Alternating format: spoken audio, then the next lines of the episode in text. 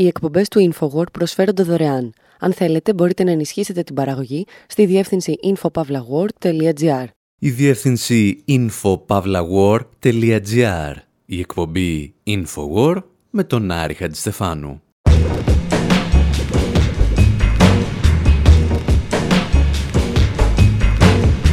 όπου σήμερα παρακολουθούμε βήμα προς βήμα μία ακόμη επιχείρηση προπαγάνδας που βρίσκεται σε πλήρη εξέλιξη και πιστεύουμε ότι είναι από τις μεγαλύτερες των τελευταίων δεκαετιών. Αναρωτιόμαστε γιατί το Ισραήλ απαγορεύει τη διεξαγωγή ανεξάρτητης έρευνας για τους μαζικούς βιασμούς που όπως ισχυρίζεται πραγματοποίησε η Χαμάς και γιατί αντιμετωπίζει με τέτοιο μίσος όσους ζητούν αποδείξεις. Εξηγούμε δηλαδή όλα τα βήματα που πρέπει να ακολουθήσετε σε περίπτωση που αποφασίσετε να διεξάγετε μια γενοκτονία και θέλετε να τραβήξετε την προσοχή της κοινή γνώμης κάπου αλλού. Να προειδοποιήσουμε τους ακροατές ότι η εκπομπή περιλαμβάνει περιγραφές σκληρών εγκλημάτων. Μπορείτε όμως να είστε σίγουροι ότι τα περισσότερα από αυτά στα οποία θα αναφερθούμε δεν πραγματοποιήθηκαν ποτέ.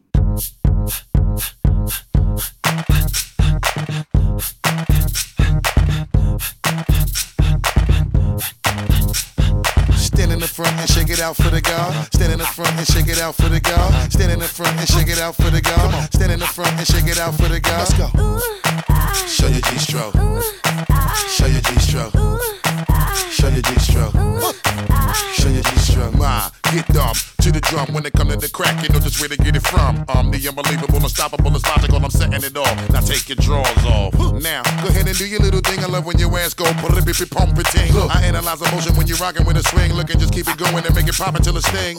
Shit, with your supernova ass, put it on me. You see my drink spilling out over my glass now. now. Don't even worry about it, Mommy. Keep it gutter. Son, order another glass in the bottle, pour another one. Ah. Lean over, put your head back quick. While I give you something making you wanna spread that shit, go ahead and spread that sick. Uh-huh. Get that thick ass over here and do what I'm saying. Yeah, that's it. Come on. Stand in the front and shake it out for the girl. Stand in the front and shake it out for the girl. Stand in the front and shake it out for the girl. Stand in the front and shake it out for the girl. Let's go.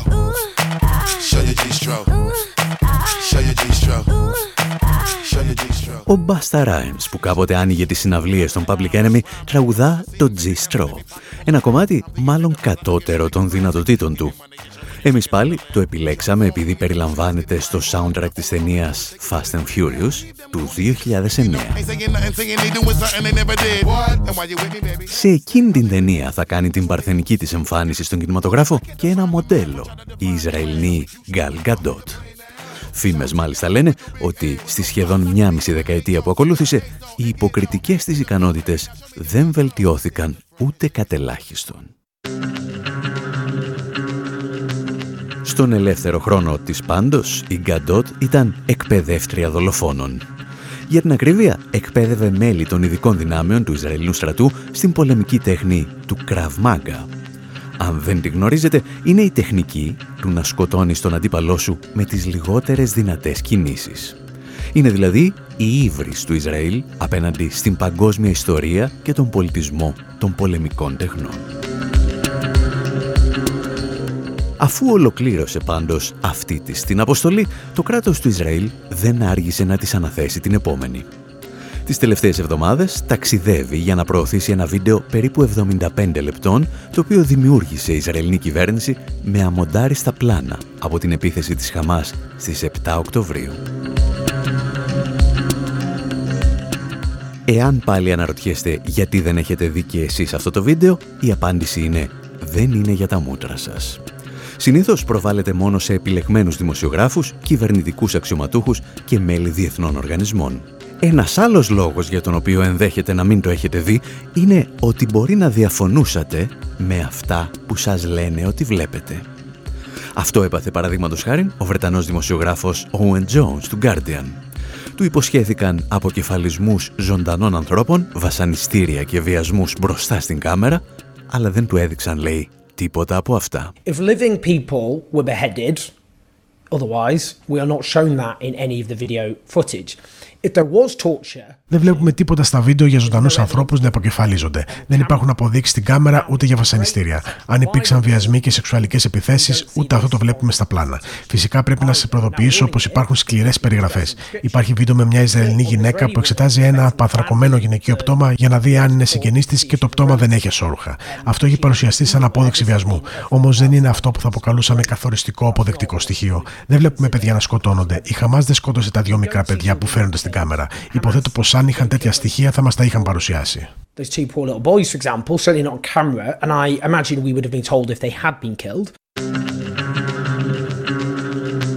Ο Owen Jones δεν αμφισβητεί σε καμία περίπτωση ότι πραγματοποιήθηκαν μαζικά εγκλήματα στις 7 Οκτωβρίου. Αρνείται όμως τις συγκεκριμένες καταγγελίες, οι οποίες αποτελούν την αιχμή του δόρατος του Ισραήλ. Άνθρωποι που είδαν το βίντεο μας είπαν ότι περιλαμβάνει πραγματικά φρικιαστικές ιστορίες. Είναι όμως άλλες ιστορίες από αυτές πάνω στις οποίες έχει στηθεί όλη η επιχείρηση εξανδραποδισμού των Παλαιστινίων. Αυτές τις τελευταίες καταγγελίες ανέλαβε να συνοψίσει προημερών ο δημοσιογράφος Αλία Μπουνιμάχ από το Electronic Nifanda. You'll recall the infamous tale of the 40 uh, beheaded babies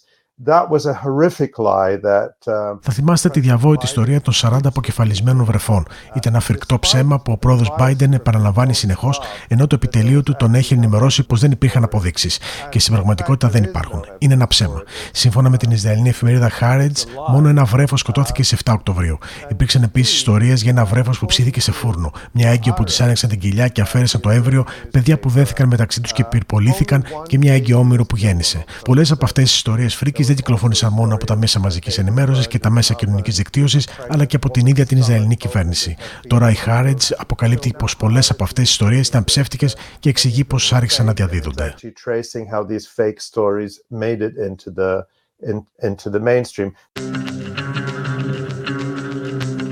Το πρόβλημα με τα συγκεκριμένα εγκλήματα για τα οποία το Ισραήλ δεν έχει παρουσιάσει ίχνος αποδείξεων είναι ότι μεταδίδονται σαν ειδήσεις από τα μεγαλύτερα μέσα ενημέρωσης του πλανήτη τα οποία δεν προσποιούνται καν ότι θα ήθελαν να διασταυρώσουν τις πληροφορίες που λαμβάνουν σαν non-paper. That's really one of the most disturbing aspects of all this, the way media have amplified these horrifying propaganda tales without even asking. Μία από τις πιο προβληματικές πτυχές του ζητήματος είναι ο τρόπος που τα μέσα ενημέρωσης προωθούν αυτές τις φρικτές ιστορίες προπαγάνδας χωρίς να ζητήσουν ούτε ένα ίχνος απόδειξη από το Ισραήλ.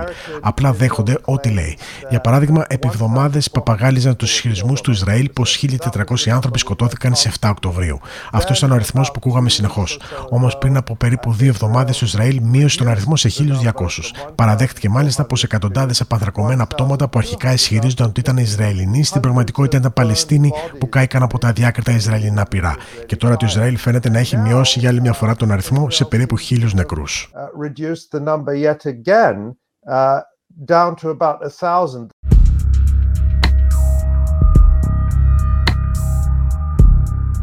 Τις τελευταίες ημέρες και συγκεκριμένα από τη στιγμή της επανέναρξης των Ισραηλινών βομβαρδισμών, αυτή η μηχανή παραγωγής fake news δουλεύει πέρα από τα όρια των δυνατοτήτων της. Και προωθεί μια πολύ συγκεκριμένη θεωρία. Ότι η Χαμάς έδωσε εντολή στους μαχητές της να βιάζουν μαζικά Ισραηλινές γυναίκες κατά τη διάρκεια της επιχείρησης που πραγματοποίησαν στις 7 Οκτωβρίου. Όπως θα δούμε στη συνέχεια, στόχος δεν είναι μόνο να παρουσιαστούν οι Παλαιστίνοι ως αιμοδιψή κτίνη, ώστε να δικαιολογηθεί η γενοκτονία τους. Παράλληλα, το Ισραήλ χρησιμοποιεί την εκστρατεία για να πλήξει το κύρος των Ηνωμένων Εθνών και όσων ζητούν αποδείξεις για αυτές τις καταγγελίες. Σε αυτή την εκστρατεία όμως υπάρχει ένα μικρό πρόβλημα. Δύο μήνες μετά την επιχείρηση της Χαμάς δεν έχει εμφανιστεί ούτε μία γυναίκα που να δηλώσει ότι βιάστηκε. Here's a story from CNN on uh, November 19th with the sensational headline Εδώ έχω μια ιστορία από το CNN στις 19 Νοεμβρίου με τον εντυπωσιακό τίτλο «Το Ισραήλ ερευνάει σεξουαλική βία που διαπράχθηκε από τη Χαμάς κατά τη διάρκεια της φρίκης της 7ης Οκτωβρίου». Όμως στο κείμενο του CNN μαθαίνουμε πως η Ισραηλινή αστυνομία παραδέχεται πως δεν έχουν ταυτοποιηθεί θύματα. Απλώς ο αστυνομικός επιθεωρητής Ντούντι Γκάτς είπε πως οι αστυνομικοί έχουν συλλέξει περισσότερες από χίλιες καταθέσεις και περισσότερα από 60.000 βίντεο ανάμεσα στα οποία υπάρχουν κάποιες μαρτυρίες από ανθρώπους που αναφέρουν πως είδαν γυναίκες να βιάζονται. And more than 60,000 video clips related to the attacks that include accounts from people who reported seeing women raped. There was one in the Times of Israel, this one, another one in uh, Haaretz. And, um... Υπήρξαν άρθρα στους Times του Ισραήλ και τη Haaretz. Έχουν υπάρξει παρόμοιες ιστορίες στην Washington Post και σε άλλες εφημερίδες. Όλα ξεκινούν θεωρώντας ως δεδομένο πως υπήρξε τεράστιος αριθμός βιασμών και σεξουαλικών επιθέσεων. Έπειτα όμως εξηγούν γιατί δεν υπάρχει καμία απόδειξη γι' αυτό. But then they're all about explaining why there's no evidence of this. Στο σημείο αυτό πρέπει να κάνουμε μια πολύ σημαντική διευκρίνηση. Το γεγονός ότι δεν υπάρχουν καταγγελίες από θύματα βιασμού δεν σημαίνει αναγκαστικά ότι δεν υπήρχαν βιασμοί. Γιατί πολύ απλά οι δράστες μπορεί να σκότωσαν τα θύματά τους. Αυτή ακριβώς είναι και η θέση του Ισραήλ. Επίσης, και η Χαμάς έχει δηλώσει πως όταν έριξε τις Ισραηλινές οχυρώσεις πέρασαν μαζί της και άλλοι Παλαιστίνοι οι οποίοι δεν ανήκαν στις τάξεις της και οι οποίοι μπορεί να πραγματοποίησαν φρικτά εγκλήματα. Το ερώτημα λοιπόν αν πραγματοποιήθηκε κάποιος βιασμός ίσως να μην το μάθουμε ποτέ. Αυτό που οφείλουμε να διερευνήσουμε όμως είναι το επιχείρημα του Ισραήλ ότι υπήρχε οργανωμένο σχέδιο μαζικών βιασμών από τη Χαμάς. Και εδώ η κατάσταση αρχίζει να γίνεται ελαφρώς προβληματική. Η λογική απάντηση σε αυτές τις καταγγελίες θα ήταν η διεξαγωγή μιας διεθνούς έρευνας με τη συμμετοχή ανεξάρτητων παρατηρητών. Όταν όμως ο Οργανισμός Ηνωμένων Εθνών ανέθεσε στην Ειδική Επιτροπή Διερεύνησης Εγκλημάτων Πολέμου του Συμβουλίου Ανθρωπίνων Δικαιωμάτων να εξετάσει τις καταγγελίες βιασμού, το Ισραήλ αρνήθηκε να συνεργαστεί. Γιατί, όπως εξήγησε ο πρέσβης του Ισραήλ στα Ηνωμένα Έθνη Γκίλαντ Ερντάν, αυτοί εκεί στον ΟΗΕ είναι όλοι αντισημίτες. Γιατί γίνονται όλα αυτά; Ένας λόγος είναι να χτυπηθεί και ο ίδιος ο ΟΗΕ, ο οποίος αντιδρά στη συνεχιζόμενη γενοκτονία. Ο δεύτερος είναι για να συνεχίσουν να κυκλοφορούν ανυπόστατες καταγγελίες όπως αυτές που συγκεντρώνει εδώ και μας περιγράφει ο Αλία Μπουνιμάχ. Sometimes that there are Uh, Uh, claims, and you see this a lot on social media, that there are videos or even Κυκλοφορούν ισχυρισμοί, ειδικά στα μέσα κοινωνικής δικτύωσης, πως υπάρχουν βίντεο ή πως οι ίδιοι μαχητές της Χαμάς τραβούσαν βίντεο με τους εαυτούς του να βιάζουν Ισραηλινές γυναίκες. Αλλά δεν έχω δει τέτοια βίντεο και κανείς δεν έχει κυκλοφορήσει τέτοιο βίντεο. Δεν έχω δει αξιόπιστε αναφορές για βίντεο με βιασμούς. Αντίθετα, υπάρχουν αμέτρητοι ισχυρισμοί πως οι υπηρεσίες πρώτης ανταπόκρισης είδαν γυναίκες με αίμα ή με τραύματα που τους έκαναν να σκεφτούν πως ίσως το άτομο αυτό να έχει δεχθεί σεξουαλική επίθεση ή βιασμό. Όμως, κανείς από όσους αναφέρονται σε αφηγήσεις των μέσων ενημέρωσης δεν έχει τις γνώσεις για να κάνει τέτοιες διαπιστώσεις και τίποτα από όσα έχω δει δεν έχει προέλθει από πραγματικού ιατροδικαστές οι οποίοι να μιλούν για συγκεκριμένα θύματα. Είναι όλα απλά φήμες και ισχυρισμοί. Και συχνά οι υποκαλούμενοι αυτόπτες μάρτυρες είναι στελέχη του Ισραηλινού στρατού. Με άλλα λόγια, στελέχη της οργάνωσης που διαπράττει γενοκτονία εναντίον των Παλαιστινίων.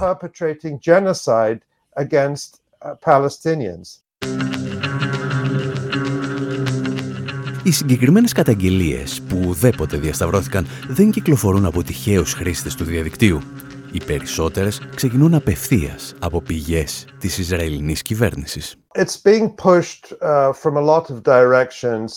Uh, all those directions originate in Israel and τα στοιχεία προωθούνται από πολλές κατευθύνσεις. Όλες αυτές τις πληροφορίες όμως πηγάζουν από το Ισραήλ και το λόμπι του. Ένα συγκεκριμένο όνομα που θα δείτε να επαναλαμβάνεται συνεχώς τις τελευταίες ημέρες είναι αυτό μιας γυναίκας που λέγεται Κοχάβ Ελκαγιάμ Λέβι. Παρουσιάζεται ως φεμινίστρια, ακαδημαϊκός και ειδική στα διεθνή ανθρώπινα δικαιώματα, που είναι επικεφαλής μιας ανεξάρτητης επιτροπής πολιτών που ερευνά την υποτιθέμενη χρήση μαζικών βιασμών ως οργανωμένη τακτική από τους μαχητές τη Χαμάς στις 7 Οκτωβρίου. As an organized tactic by Hamas fighters on October 7th.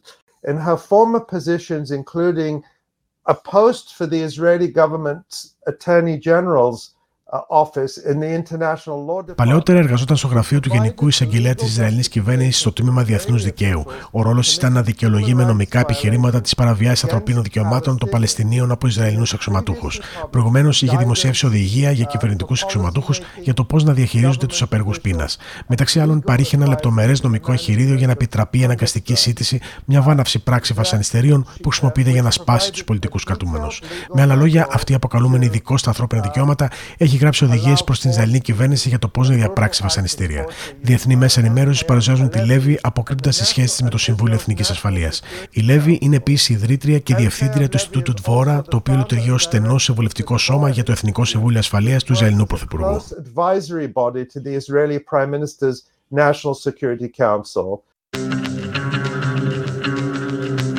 Εάν θέλετε, στο σημείο αυτό μπορούμε να κάνουμε μια μικρή σύνοψη όσων σας είπαμε. Δύο μήνες μετά την επιχείρηση της Χαμάς, το Ισραήλ επαναφέρει τις καταγγελίες περί οργανωμένων μαζικών βιασμών, ενώ δεν έχει προκύψει κανένα νεότερο στοιχείο. Σε αυτούς τους δύο μήνες δεν έχει υπάρξει ούτε μία καταγγελία θύματος και κανένα βίντεο βιασμού παρά το γεγονός ότι οι Ισραηλοί αξιωματούχοι δήλωναν ότι υπάρχουν και τα δύο. Όταν ο ΟΗΕ προσφέρθηκε να ερευνήσει τις καταγγελίες, το Ισραήλ το αρνήθηκε, λέγοντας ότι οι εμπειρογνώμονές του είναι αντισημίτες. Αντίθετα, το Ισραήλ ανέθεσε σε μια πρώην σύμβουλο βασανιστήριων να προωθεί στα μέσα ενημέρωσης τις καταγγελίες με την ιδιότητα της ακαδημαϊκού που ασχολείται με ζητήματα φεμινισμού. Τα μεγαλύτερα μέσα ενημέρωσης του πλανήτη, όπως το BBC, η New York Times και το CNN, αναπαράγουν εδώ και ημέρες αυτές τις καταγγελίες χωρίς κανέναν αντίλογο, αφήνοντας σε δεύτερη μοίρα την κάλυψη της πρώτης γενοκτονίας του 21ου αιώνα. Σημαίνουν όλα αυτά ότι μπορούμε να αποκλείσουμε το ενδεχόμενο να υπήρξε πράγματι κάποιος βιασμός; Σε καμία περίπτωση και γι' αυτό πρέπει να διερευνήσουμε κάθε στοιχείο για αυτό το φρικτό έγκλημα. Αν όμως συζητάμε για κάποιο μεμονωμένο περιστατικό, μήπως θα έπρεπε να ξεκινήσουμε την έρευνα από λίγο πιο πίσω, δηλαδή από τους βιασμούς παιδιών Παλαιστινίων στις Ισραηλινές φυλακές; Τα εξηγούσε προημερών ο Τζος Πολ, πρώην ανώτατος τέλεχος του State Department που παρετήθηκε αμέσως μετά την έναρξη των Ισραηλινών βομβαρδισμών. happened on October 7th was an absolute atrocity, was a thousand atrocities.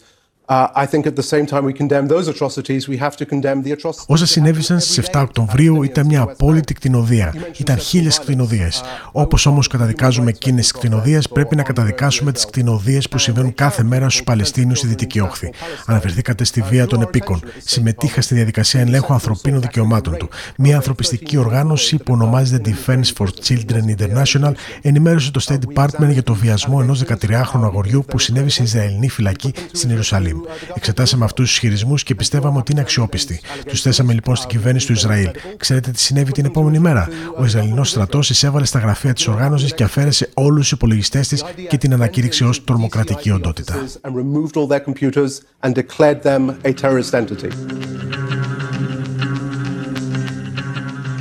Οι εκπομπές του InfoWord προσφέρονται δωρεάν. Αν θέλετε, μπορείτε να ενισχύσετε την παραγωγή στη διεύθυνση infopavlagor.gr.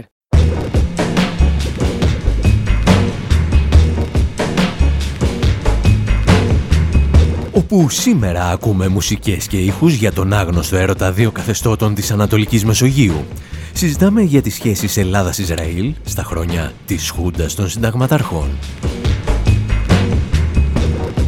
Παρακολουθούμε τη δουλειά ενός Ισραηλινού δημοσιογράφου που απέκτησε πρόσβαση στα κρατικά αρχεία του Ισραήλ και διάβασε άγνωστες ιστορίες για τις σχέσεις του Τελαβίβ με τον Μακαρέζο, τον Κόλια και τον Παπαδόπουλο.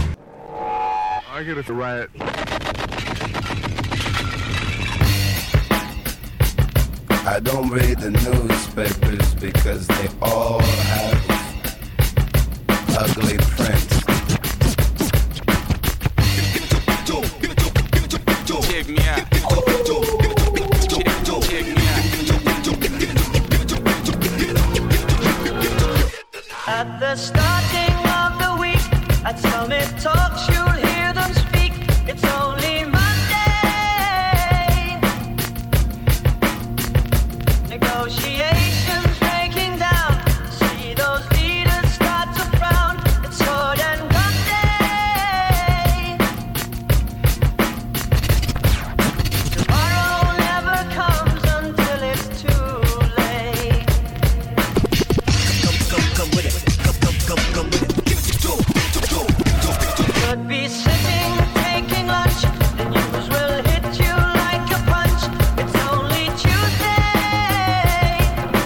What time is it?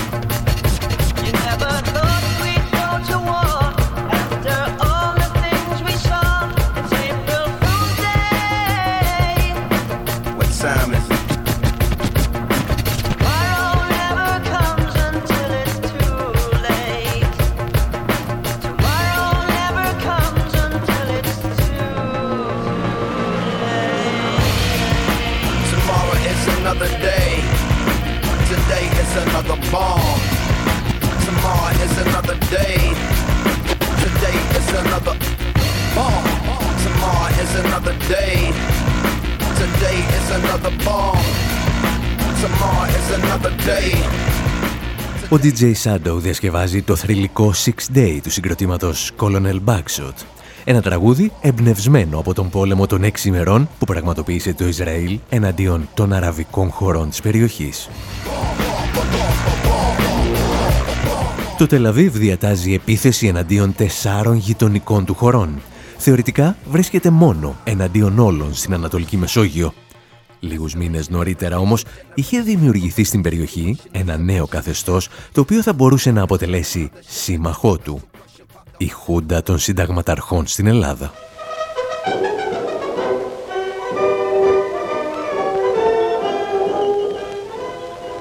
Στα ανάκτορα Αθηνών, ενώπιον της αυτού μεγαλειότητος του βασιλέως, ορκίστη υπό του Αρχιεπισκόπου Αθηνών και Πάσης Ελλάδος, κυρίου Χρυσοστόμου, η νέα εθνική κυβέρνησης. Στα ανάκτορα προσήλθαν και ορκίστησαν ο κύριος Κωνσταντίνος Κόλιας, εισαγγελεύς του Αρίου Πάγου, ως πρόεδρος της Εθνικής Κυβερνήσεως. Ο συνταγματάρχης πυροβολικού, κύριος Νικόλαος Μακαρέζος, ως Υπουργός Συντονισμού. Ο Μακαρέζος, παραδείγματος χάρη, για τον οποίο ακούμε στα επίκαιρα του 1967, θα αποκτήσει ιδιαίτερα στενές σχέσεις με την κυβέρνηση του Ισραήλ. Και δεν είναι ο μόνος.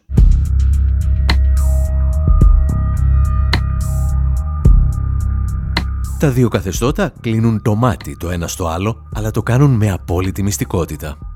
Η Αθήνα γιατί δεν θέλει να διαταράξει ακόμα τις σχέσεις της με αραβικές κυβερνήσεις και το Ισραήλ γιατί δεν θέλει να εμφανίζεται δημοσίως ότι στηρίζει ένα αιμοσταγές καθεστώς.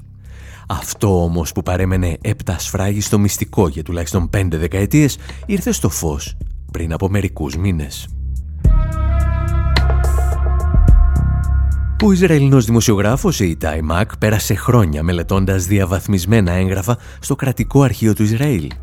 Έγγραφα τα οποία δόθηκαν στη δημοσιότητα την περίοδο 2019 με 2020.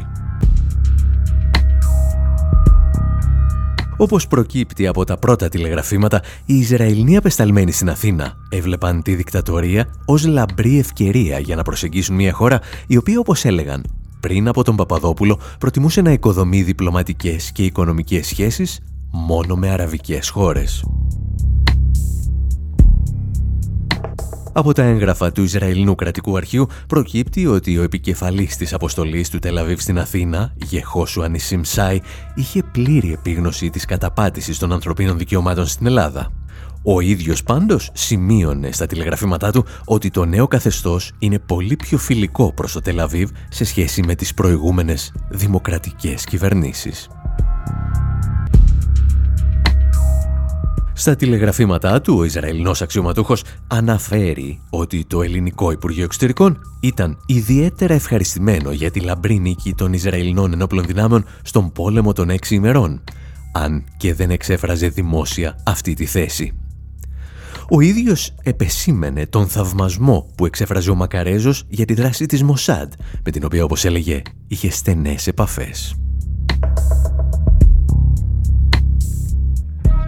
Γιατί όμως το Ισραήλ να διακινδυνεύσει τη διεθνή του εικόνα στηρίζοντας τους Έλληνες πραξικοπηματίες όταν αυτοί είχαν δείξει το πραγματικό τους πρόσωπο με τα βασανιστήρια και τις φυλακίσεις Ελλήνων πολιτών; Για να απαντήσουμε θα πρέπει να επιστρέψουμε και πάλι στον πόλεμο των έξι ημερών και να δούμε πώς αυτός επηρέασε την πολεμική βιομηχανία του Ισραήλ. War in the Middle East. Israeli forces drive spearheads across the Sinai Peninsula, west to the Suez Canal, south to the entrance of the Gulf of Aqaba, breaking the blockade, capturing the west bank of the Jordan River, and occupying the old city of Jerusalem. Τα αμερικανικά επίκαιρα της εποχής περιγράφουν μια θεαματική όσο και δραματική επιχείρηση που ευνηδιάζει τους γείτονες του Ισραήλ. Υπό τις εντολές του μονόφθαλμου στρατηγού Μοσέντα Γιάν, η Ισραηλινή αεροπορία εξαπολύει γενικευμένες επιδρομές στην Αίγυπτο, την Ιορδανία, τη Συρία, αλλά ακόμη και σε περιοχές του Ιράκ.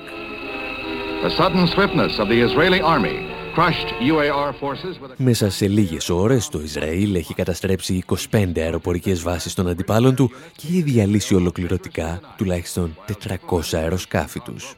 Η ολοκληρωτική νίκη θα έρθει σε έξι μόλις ημέρες. Πρόκειται για μία από τις πλέον σύντομες και σαρωτικές νίκες στην παγκόσμια ιστορία του πολέμου. Μαζί όμως με τη σαρωτική νίκη του Ισραήλ προκύπτει και ένα μικρό προβληματάκι. Τα εξηγούσε και ο Ισραηλινός οικονομικός αναλυτής Σιρ Χέβερ. There was a worry in Israel after the occupation of 1967 because France, which was the biggest supplier of arms to Israel at the time, said they're going to embargo weapons sales to Israel. Το Ισραήλ ανησύγησε μετά την κατοχή του 1967, καθώς η Γαλλία, που αποτελούσε το βασικό του προμηθευτή σε όπλα, απειλούσε ότι θα προχωρήσει σε εμπάργκο εάν το Ισραήλ δεν αποχωρούσε από τα εδάφη που είχε καταλάβει.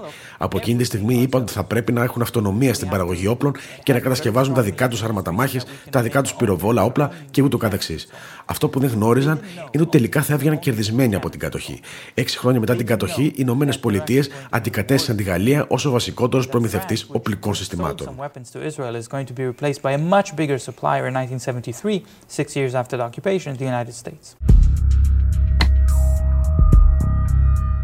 Η στρατηγική συμμαχία με τις Ηνωμένες Πολιτείες προσφέρει στο Ισραήλ τα όπλα που χρειάζεται και αυτό μετατρέπεται σε χωροφύλακα της Ουάσιγκτον για ολόκληρη τη Μέση Ανατολή. Για την Ισραηλινή πολεμική βιομηχανία όμως αυτή η σχέση παρουσιάζει και μερικά προβλήματα. Γιατί η Ουάσιγκτον μπορεί να μην είχε κανένα πρόβλημα να προσφέρει τα όπλα της στο Ισραήλ, είχε όμως πολλά προβλήματα όταν το Ισραήλ άρχισε να κατασκευάζει οπλικά συστήματα που ανταγωνίζονταν τα αμερικανικά. There were some attempts by the Israeli military companies to compete with the US military companies, which were crushed in the bud very quickly, and that shows exactly the... Υπήρξαν ορισμένες προσπάθειες από Ισραηλινές εταιρείες να ανταγωνιστούν την αμερικανική πολεμική βιομηχανία, αλλά αυτές ακυρώθηκαν από την πρώτη στιγμή. Αυτές είναι και περιπτώσεις όπου διακόπτεται η αμερικανική στήριξη προς το Ισραήλ.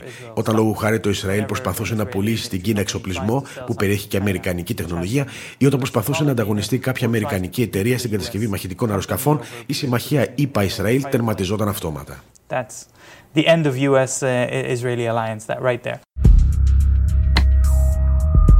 Η Ισραηλινή επιχειρηματικότητα όμως δεν κάμπτεται από τέτοια προβλήματα. Αν δεν μπορούμε να κατασκευάσουμε όπλα που χτυπάνε την Αμερικανική αγορά, σκέφτηκαν, θα πουλάμε σε καθεστώτα που κανένας άλλος δεν θέλει ή δεν μπορεί να πουλήσει. Όπου υπήρχε διεθνές εμπάργκο για εγκλήματα κατά της ανθρωπότητας, το Ισραήλ ήταν εκεί για να τα σπάσει. Περίπου δηλαδή όπως έκαναν την ίδια περίοδο και ορισμένοι από τους μεγαλύτερους Έλληνες εφοπλιστές. Τα λέει όμως καλύτερα και από μας ο Ισραηλινός αναλυτής Σιρ Χέβερ, μιλώντας στο The Real News Network. We're talking about the 60s, 70s, 80s, Israel sold weapons to Rhodesia, which αν γυρίσουμε πίσω στις δεκαετίες του 60, του 70 και του 80, θα δούμε ότι το Ισραήλ πουλούσε όπλα στη Ροδεσία, η οποία είχε ένα καθεστώς όμοιο με αυτό του Απαρχάιτ. Στη Νότια Αφρική επίσης έσπαγε το εμπάρκο απροκάλυπτα. Πουλούσε επίση όπλα στη Γουατεμάλα κατά τη διάρκεια του εμφυλίου πολέμου και στη Χιλή επί δικτατορία Πινοσέτ. Όλες οι χώρες που είχαν προβλήματα να αγοράσουν όπλα από τις μεγάλες εταιρείες μπορούσαν πάντα να στραφούν στο Ισραήλ.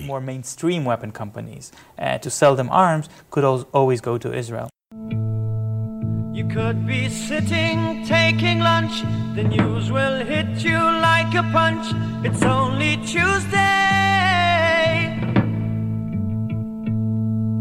You never thought we'd go to war after all the things we saw. It's April Fool's Day.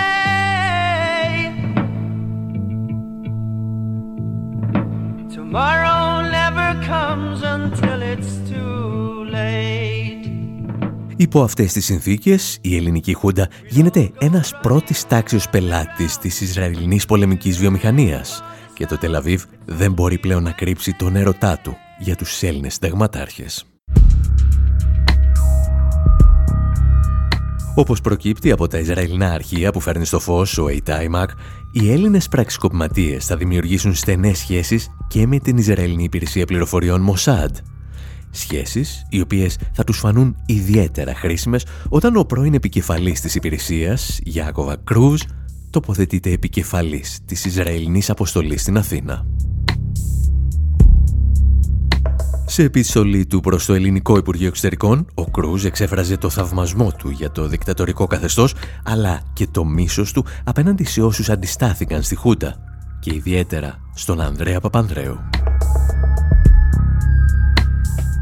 Ως ένθερμος υποστηρικτής του Ισραήλ εμφανίζεται τότε και ο πρωθυπουργός του καθεστώτος Κωνσταντίνος Κόλιας, ο οποίος θεωρούσε ότι οι δύο χώρες δίνουν, όπως έλεγε, μάχη απέναντι στον κοινό εχθρό, τον κομμουνισμό. Οι Έλληνες και κατά ιστορική παράδοση αλλά και κατά την βασική κοινωνική αντίληψη και αγωγή δεν είναι ποτέ ευεπίφοροι προς τον κομμουνισμό διότι ο κομμουνισμός δεν δύναται να έχει ουδέν σημείων κοινών με τον ελληνοχριστιανισμό που αποτελεί την βάση της διαπαιδαγωγήσεως των Ελλήνων κατά των δρόμων της ιστορίας των.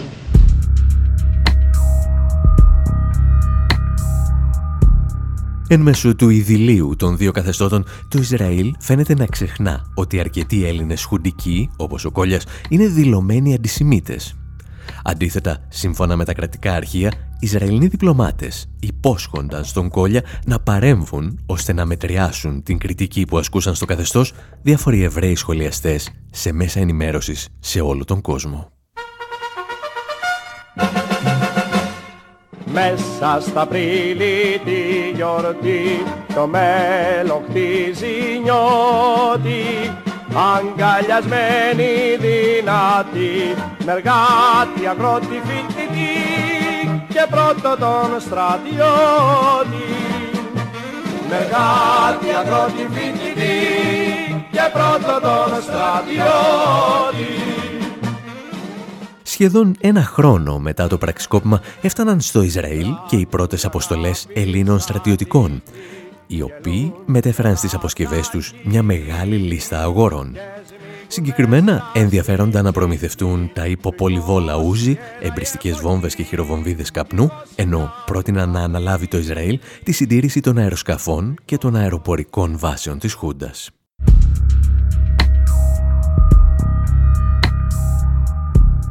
καθώς το δικτατορικό καθεστώς κλιμάκωνε τα βασανιστήρια πολιτικών κρατουμένων προκαλώντας διεθνή κατακραυγή, αρκετά μέλη της Ισραηλινής αποστολής στην Αθήνα προειδοποιούσαν το Τελαβίβ να κρατά πιο χαμηλούς τόνους στις επαφές.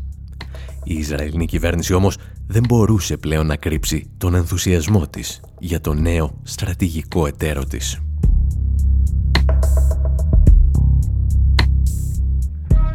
Όπως εξηγεί ο δημοσιογράφος A.T.I. Mac, τον Ιανουάριο του 1973 οι δύο χώρες υπέγραψαν μυστική συμφωνία 9 εκατομμυρίων δολαρίων. Η συμφωνία προέβλεπε τη μεταφορά αργού πετρελαίου από τον Περσικό κόλπο στον Ισραηλινό αγωγό Ειλάτα Σκελών και από εκεί στο λιμάνι του Πειραιά. Εδώ Πολυτεχνείο, εδώ Πολυτεχνείο. Σας μιλά ο ραδιοφωνικός σταθμός των ελεύθερων αγωνιζομένων φοιτητών, των ελεύθερων αγωνιζομένων Ελλήνων. Λαέ συνέχισε τον αγώνα μαζί μας. Ξέρουμε τώρα πια όλοι πώς θα προχωρήσουμε. Σας μιλεί ο ραδιοφωνικός σταθμός των ελεύθερων αγωνιζομένων φοιτητών. Όπως προκύπτει από τα τηλεγραφήματα που ήρθαν πρόσφατα στο φως, το Ισραήλ δεν κάμφθηκε ούτε από την σφαγή των φοιτητών στο Πολυτεχνείο, ούτε από το πραξικόπημα στην Κύπρο. Αντίθετα, οι εμπορικές και εξοπλιστικές σχέσεις των δύο χωρών φαίνεται να αναπτύσσονταν παράλληλα με την αγριότητα του ελληνικού καθεστώτος. Η ελληνική Χούντα είχε βρει έναν πιστό σύμμαχο στο πρόσωπο του Ισραήλ. Δυστυχώς για το τελευταίο, το καθεστώς των συνταγματαρχών κατέρευσε μερικούς μήνες αργότερα, αφού πρώτα οδήγησε στην κατοχή της Κύπρου. Αφού δηλαδή δημιούργησε συνθήκες Παλαιστίνης σε μία ακόμη περιοχή της Ανατολικής Μεσογείου. So many years of catastrophe, more than six million refugees. Εμείς πάλι λέμε να σας αφήσουμε και για αυτή την εβδομάδα. Από τον Άρη Στεφάνου στο μικρόφωνο και τον Δημήτρη Σαθόπουλο στην τεχνική επιμέλεια, γεια σας και χαρά σας. Sing out for Palestine.